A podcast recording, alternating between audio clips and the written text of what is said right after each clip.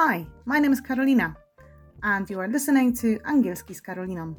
Sponsorem podcastu jest FluentBee, najlepiej oceniana szkoła angielskiego online. Zapraszam do odsłuchania dzisiejszego odcinka. Czy często musicie przeprowadzać rozmowy biznesowe językowe po angielsku? Jeśli tak, to na pewno spotkaliście się z tym, że język biznesowy jest pełen skrótów, aby przyspieszyć komunikację, bo w biznesie czas to pieniądz.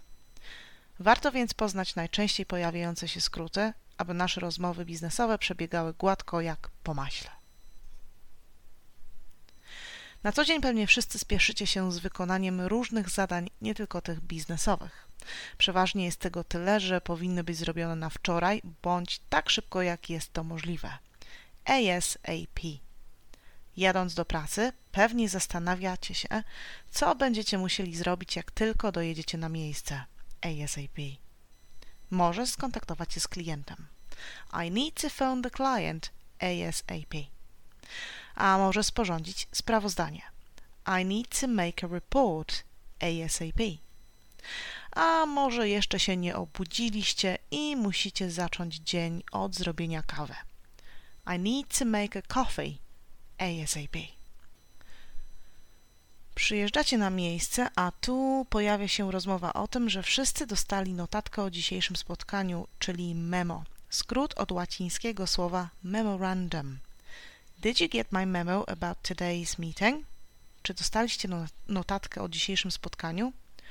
Oops, I didn't get the memo. O, o, nie otrzymałam notatki. FYI, we have a new colleague in our team. Na spotkaniu okazuje się, że nowy rok przyniósł nowe zmiany. FYI, we have a new system. I że macie nowego kolegę, który dołączy do waszego zespołu. Wszystko przyjmujecie do wiadomości, po czym widzicie, że dzwoni do was prezes firmy, czyli CEO, skrót od Chief Executive Officer. Musicie przeprosić ich na moment wyjść, aby odebrać telefon i wrócicie za moment. Sorry, I need to take this. BRB, czyli Be right back. Zaraz wracam. BRB. Okazuje się, że szef pyta o wasze KPIs, Key Performance Indicators, czyli wskaźniki efektywności dotyczące wykonanej pracy i jej jakości. How are the KPIs doing this month? Czyli jak się mają wskaźniki e, efektywności tego miesiąca.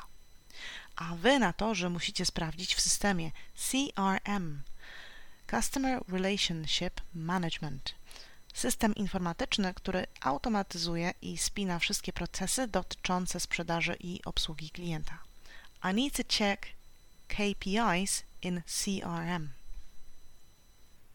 Wracacie do komputera i przekazujecie szefowi dobre wieści. Spoglądacie na zegar i okazuje się, że dzień prawie dobiega końca. Oh my goodness, it's EOD, end of the day, koniec dnia. Przed wyjściem do domu musicie tylko jeszcze sprawdzić harmonogram pracy na przyszły tydzień. Patrzycie na rozpiskę i okazuje się, że w przyszłym tygodniu pracujecie zdalnie z domu. WFH, Work from Home. We're WFH next week, everyone.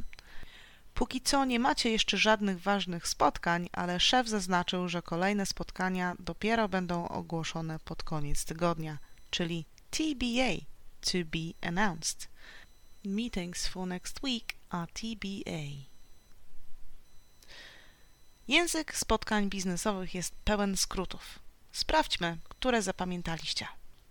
Jak po angielsku powiecie tak szybko, jak jest to możliwe? ASAP. A jak powiedzieć prezes firmy? CEO. A jak była praca zdalna? WFH. Work from home. Mam nadzieję, że udało się Państwu zapamiętać te akronimy i że się przydadzą. Naukę będziemy oczywiście kontynuować, a temat kolejnej lekcji jest TBA. Kto pamięta, co to oznaczało?